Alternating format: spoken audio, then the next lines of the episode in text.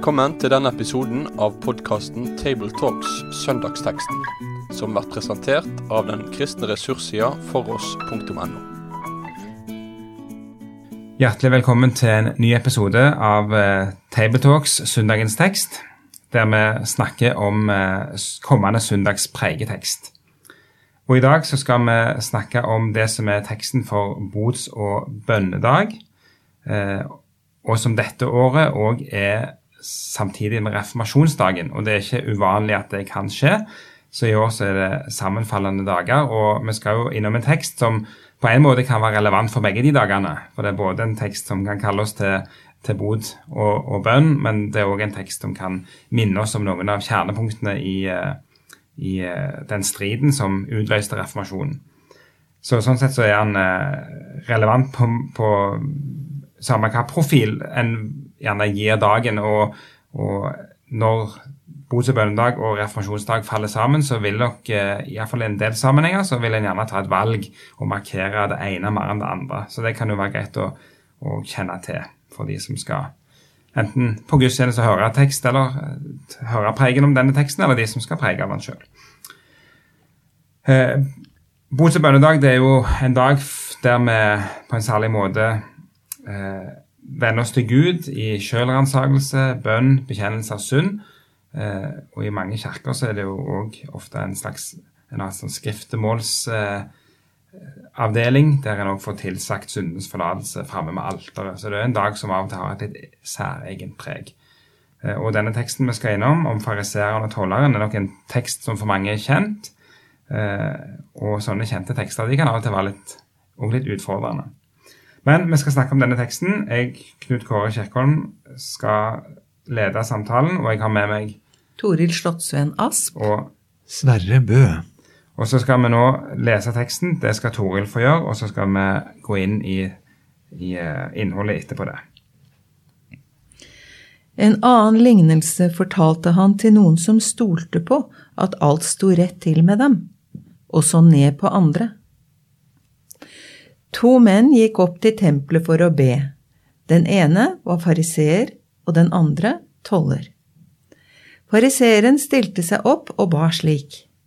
Gud, jeg takker deg for at jeg ikke er som andre mennesker, som snyter, gjør urett og bryter ekteskapet, eller som denne tolleren her. Jeg faster to ganger i uken og gir tiende av alt jeg tjener. Tolleren sto langt nede og ville ikke engang løfte blikket mot himmelen, men slo seg for brystet og sa, Gud, vær meg synder nådig. Jeg sier dere, tolleren gikk hjem rettferdig for Gud, den andre ikke.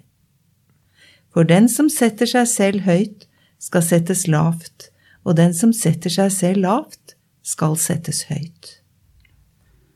Jeg begynner med å stille deg et spørsmål, Sverre. Eh, for du har jo lest din andel av eh, bibelforskning og eh, forskning på gammel jødedom på Jesu tid osv. Fariserer og Jesus, og hva er forholdet mellom de? Hvordan posisjonerer de seg og, og, og disse gruppene, og, og, hva har det å si for vår forståelse av denne teksten? Ja, det har kanskje en hel del å si. For automatisk så vil de fleste av oss ha behov for å tegne et bilde av fariseerne som veldig annerledes enn oss. Og så kan vi til slutt lage et helt usant og uhistorisk bilde av en gruppering, basert på noen spredte glimt. Jødedommen på Jesu tid var jo veldig fragmentert. Ved siden av fariseerne så var det noen som ble kalt for sadukere, som var veldig på lag med prestestanden og romermakten og villig til å kompromisse ganske mye av Israels tro for å passe inn i den tiden de levde. Så hadde du noen revolusjonære seloter, eller sikariere. Så hadde du en veldig markant gruppe som vi kjenner fra Qumran, dødehavssamfunnet, som blir kalt det senere. Bibelen snakker også om noen som kalles herodianere, som kanskje kompromisset like mye som Herodes gjorde. Og så har det ganske sikkert vært mange som ikke kaltes med et sånt kallenavn, men lå et sted midt innimellom. Mm. Fariseerne var nok uten tvil den av disse grupperingene som lå nærmest urkristendommen og Jesus selv. Um, og det bildet vi har av fariseere som først og fremst hyklere, det er voldsomt omstridt i forskningen. Mange vil si at det er blitt brukt til antisemittisme. Å tegne bilde av jøder som bare hyklere, som er ute etter å få fasaden til å se pen ut, mens innvendig ikke er det. Et sånt bilde er nok delvis vokst fram av det lange kapittel 23 i Matteus. Et av de virkelig lange kapitlene i evangeliene som vi stort sett hopper over. Jesus' straffetale over fariseerne og enkelte andre grupper. Og der kalles fariseerne for både pengekjære og hyklere. Men vi må ikke lage et helt uhistorisk bilde som vi lager fordi vi har behov for å dytte noen langt vekk. Mm, ikke sant. For fariseerne var jo knytta til synagogen, og, og, og, det var jo der Jesus òg gikk og underviste. Så, og Paulus var fariseer, så det er vel eh, absolutt eh, lett å se for seg at det å være den der eh, ja, la oss si, konservative bibeltro som ønsker å gjøre det rette. Det var jo det fariseerne var. De ville ikke kompromisse med, med romermakten og, og, verden, for å si det med en sånn term. Nei, tvert imot så ville de jo dra det lenger enn som så. F.eks. Mm. denne fariseeren som faster to ganger i uken. Mm. Det er ikke påbudt i Moseloven. Der var det jo bare én påbudt fastedag i hele året med den store forsoningsdagen. Så dette er mennesker som virkelig tar sin fromhet lenger enn alminnelig gjennomsnitt. Mm, ikke sant det.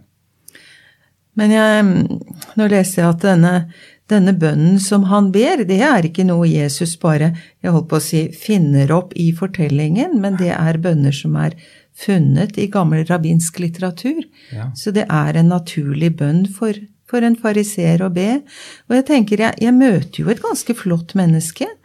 Han snyter ikke, og han gjør ikke urett, og han bryter ikke ekteskapet, og han er ikke som tolleren. Eh, så det høres jo ut som en eh, besteborgerlig, etisk integrert, flott person.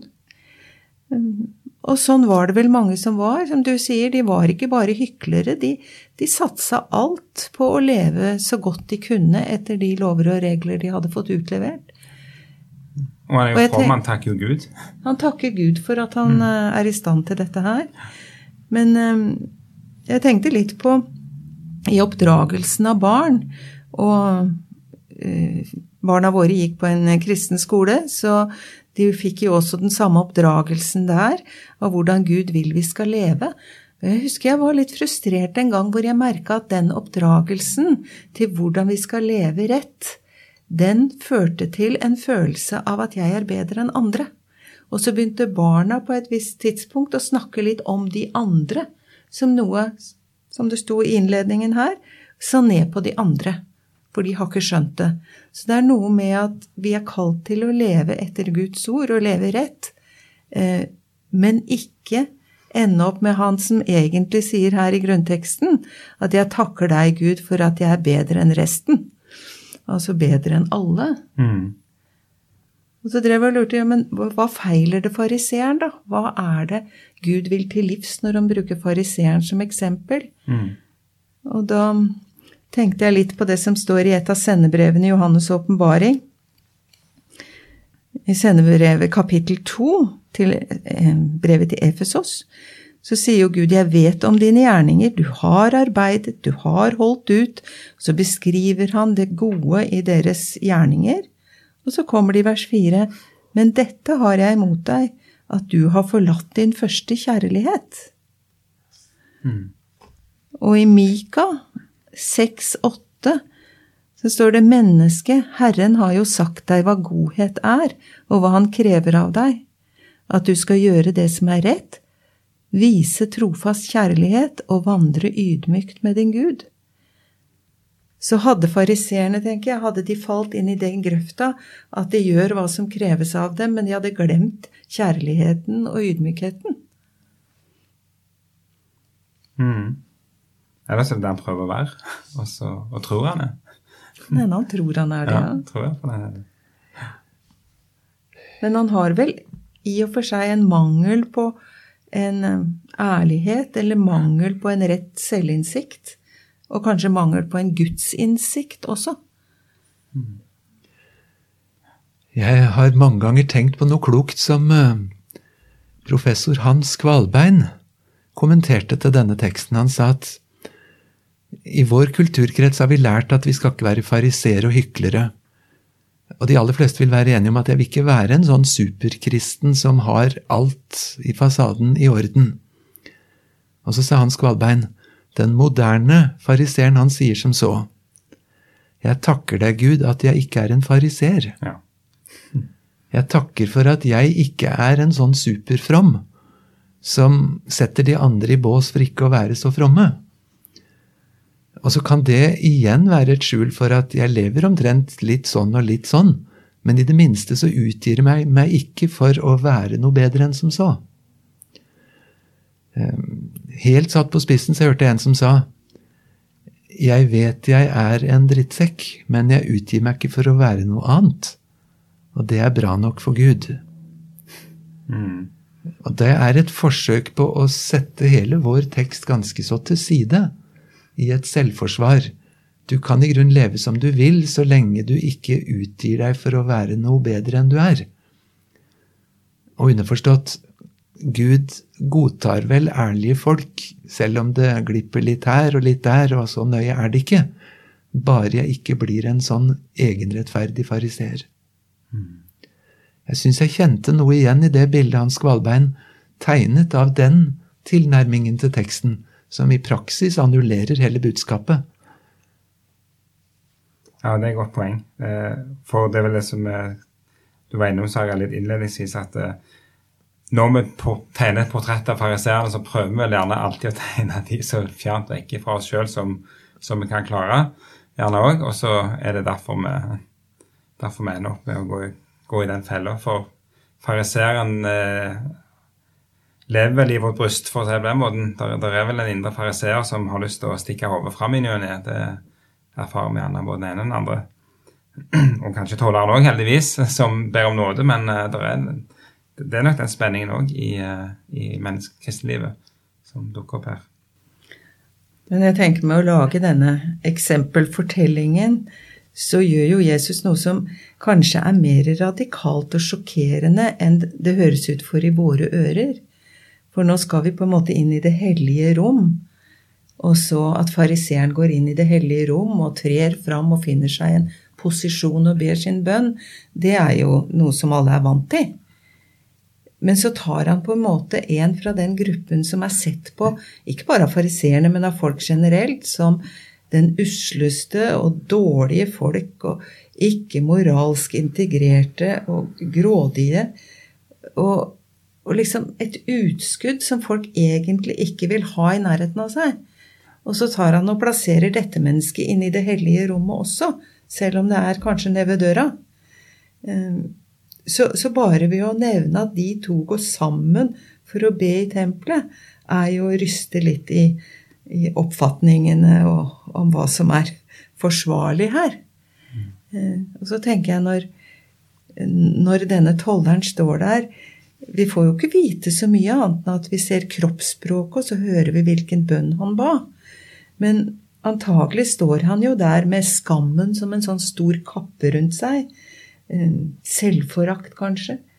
Egoisme, utroskap, svik, grådighet. Han er en taper, han er utenfor.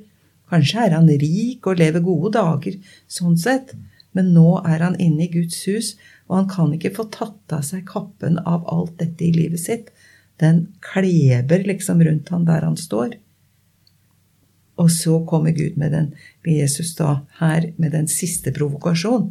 At han skal plassere Guds rettferdighet over disse to menneskene. Og så sier han at Guds rettferdighet er der. Men jeg skjønner ikke at det ikke står at folkemengden protesterte. Nei.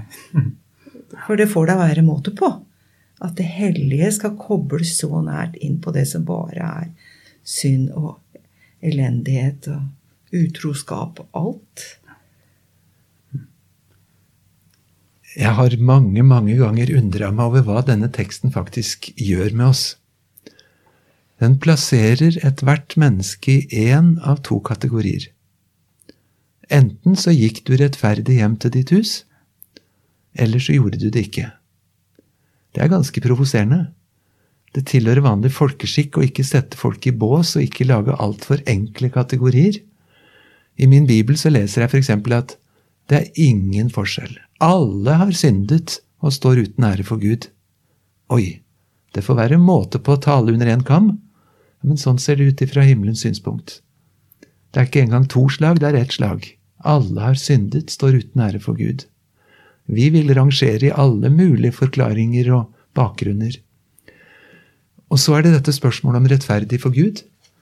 Da er det ikke tre eller fem kategorier, men det er to. Enten så går du rettferdig hjem til ditt hus, eller så gjør du det ikke. Og tenke etter hvilken kategori står jeg i. Hva var det som gjorde at tolleren kom ut i motsatt ende av den andre. Hvis vi hadde kunnet stå med vår mikrofon og spurt hver av de Hvis Gud kaller deg inn på teppet og spør holder du mål, hva vil du da løfte fram? Jo, det har vi hørt fariseeren løfter fram, det at han er heldigvis ikke sånn som tolleren og andre folk. Han gjør slik og slik og slik og slik og slik og viser til hva han har gjort. Han gikk ikke rettferdiggjort hjem til sitt hus. Og så spør vi tolleren, hva ville du løfte fram hvis du står til regnskap for Gud her inne? Da har jeg ikke noe annet enn en bønn om Guds nåde. En gave fra en annen, ikke min prestasjon. Med det som kriterium så kan Gud skille alle mennesker i to kategorier. Innenfor ham hva satser du din evighet på? Og jeg vil få svare jeg satser på Jesu nåde, tilgivelse, og ingenting av min prestasjon.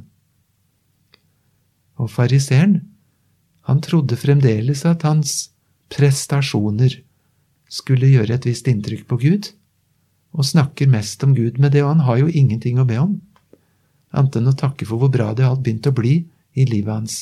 Mm.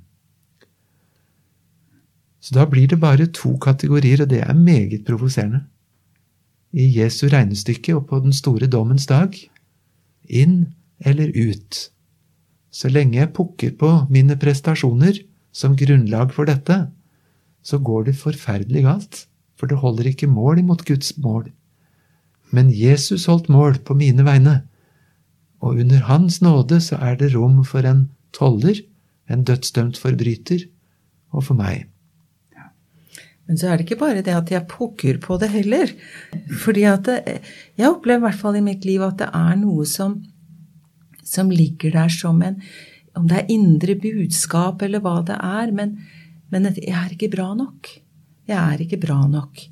Sånn at det er en sånn mm, Jeg tror på nåden, og samtidig så, så sliter jeg med disse kravene til å skulle vært annerledes for å være bra nok og nå opp, enten det har å gjøre med rent kristelige ting eller livet for øvrig. Eh, sånn var det jo for fariseeren òg. Det var jo mange ting som hadde med liv å gjøre, og kanskje ikke spesielt troen. Eh, jeg tenker på dette verset som står i Jesaja 57, 15. Så sier Han som er høyt opphøyet, som troner evig, og heter Den hellige.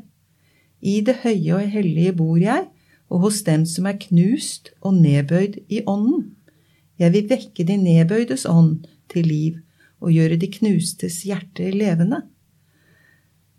Så Gud sier jo veldig tydelig at jeg tar plass der det knuste mennesket er. Sånn som denne eh, tolleren som nesten ikke tør å gå innafor dørstokken, og kjenner bare at han sikkert er knust, og alt han ikke har fått til. Så sier han der er Gud, med sitt nærvær, med sin miskunn, for å gi nytt liv og løfte opp. Så det er vel ikke det at vi til enhver tid må være helt flata ut og helt knust, men, men Gud forteller i hvert fall at han, han er ikke ute etter å evaluere hva vi lykkes med å få til. Men han er der, som du sa, Sverre, at han kan få gitt av sin nåde, sin godhet, sin frelse å bære. Jeg syns Paulus sier det så satt på spissen i romerbrevet når han sier at ingenting i verden fyller meg med mer sorg enn det at mine landsmenn ikke vil tro på Jesus som Guds sønn. Og hva er problemet? Og så sier han problemet er at de vil ikke underordne sin rettferdighet under Kristus. Altså, alt jeg har fått til, står i veien for kontakten med Gud. For det blir ikke plass til Jesus når jeg stabler inn alt det jeg skal ha plass til mellom meg og Gud. Så å bli en kristen er også rett og slett å underordne det som måtte være av troens frukt, under Kristus. Eller på bedusspråk meg til frelse jeg intet vet uten deg, Guds lam. Det går i veien. Mm. Og det er vel et poeng òg at eh, det som kommer rett etterpå, er jo disse ungene eh, som Jesus eh, snakker om at eh, den som ikke blir som et barn, kan ikke komme inn i Guds rike. Og da er det jo vel særlig hjelpeløsheten som er et poeng her. At du ja, du klarer ikke å gå på egen hånd. Du må bæres, og du må luftes. Og det er det som er veien. For først, Det er jo interessant. Først er det disse ungene, og så er det da den rike unge mannen etter det igjen. og han, han prøver jo faktisk, han, han klarer jo ikke det. Han, han, eh, han vil holde fast ved noe, og da eh, blir veien lukka for han, eller døra blir lukka for han. Så det Vi får den spenningen her. Det virker nokså åpenbart. Jeg tenker på det som står i Johannes 1, 17 også. Eh, For loven ble gitt ved Moses, men nåden og sannheten kom ved Jesus Kristus. Og jeg tenker Det er jo det vi får litt innblikk i i tempelet. Eh, Tolleren er i sannheten om sitt eget liv. Mm. Og nåden og sannheten kobles sammen. Det kan jo kanskje være litt mangel hos fariseeren på sannhet i hjertets dyp. I hvert fall det, det avslørende blikket fra Gud som går bakenfor der man mestrer tingene.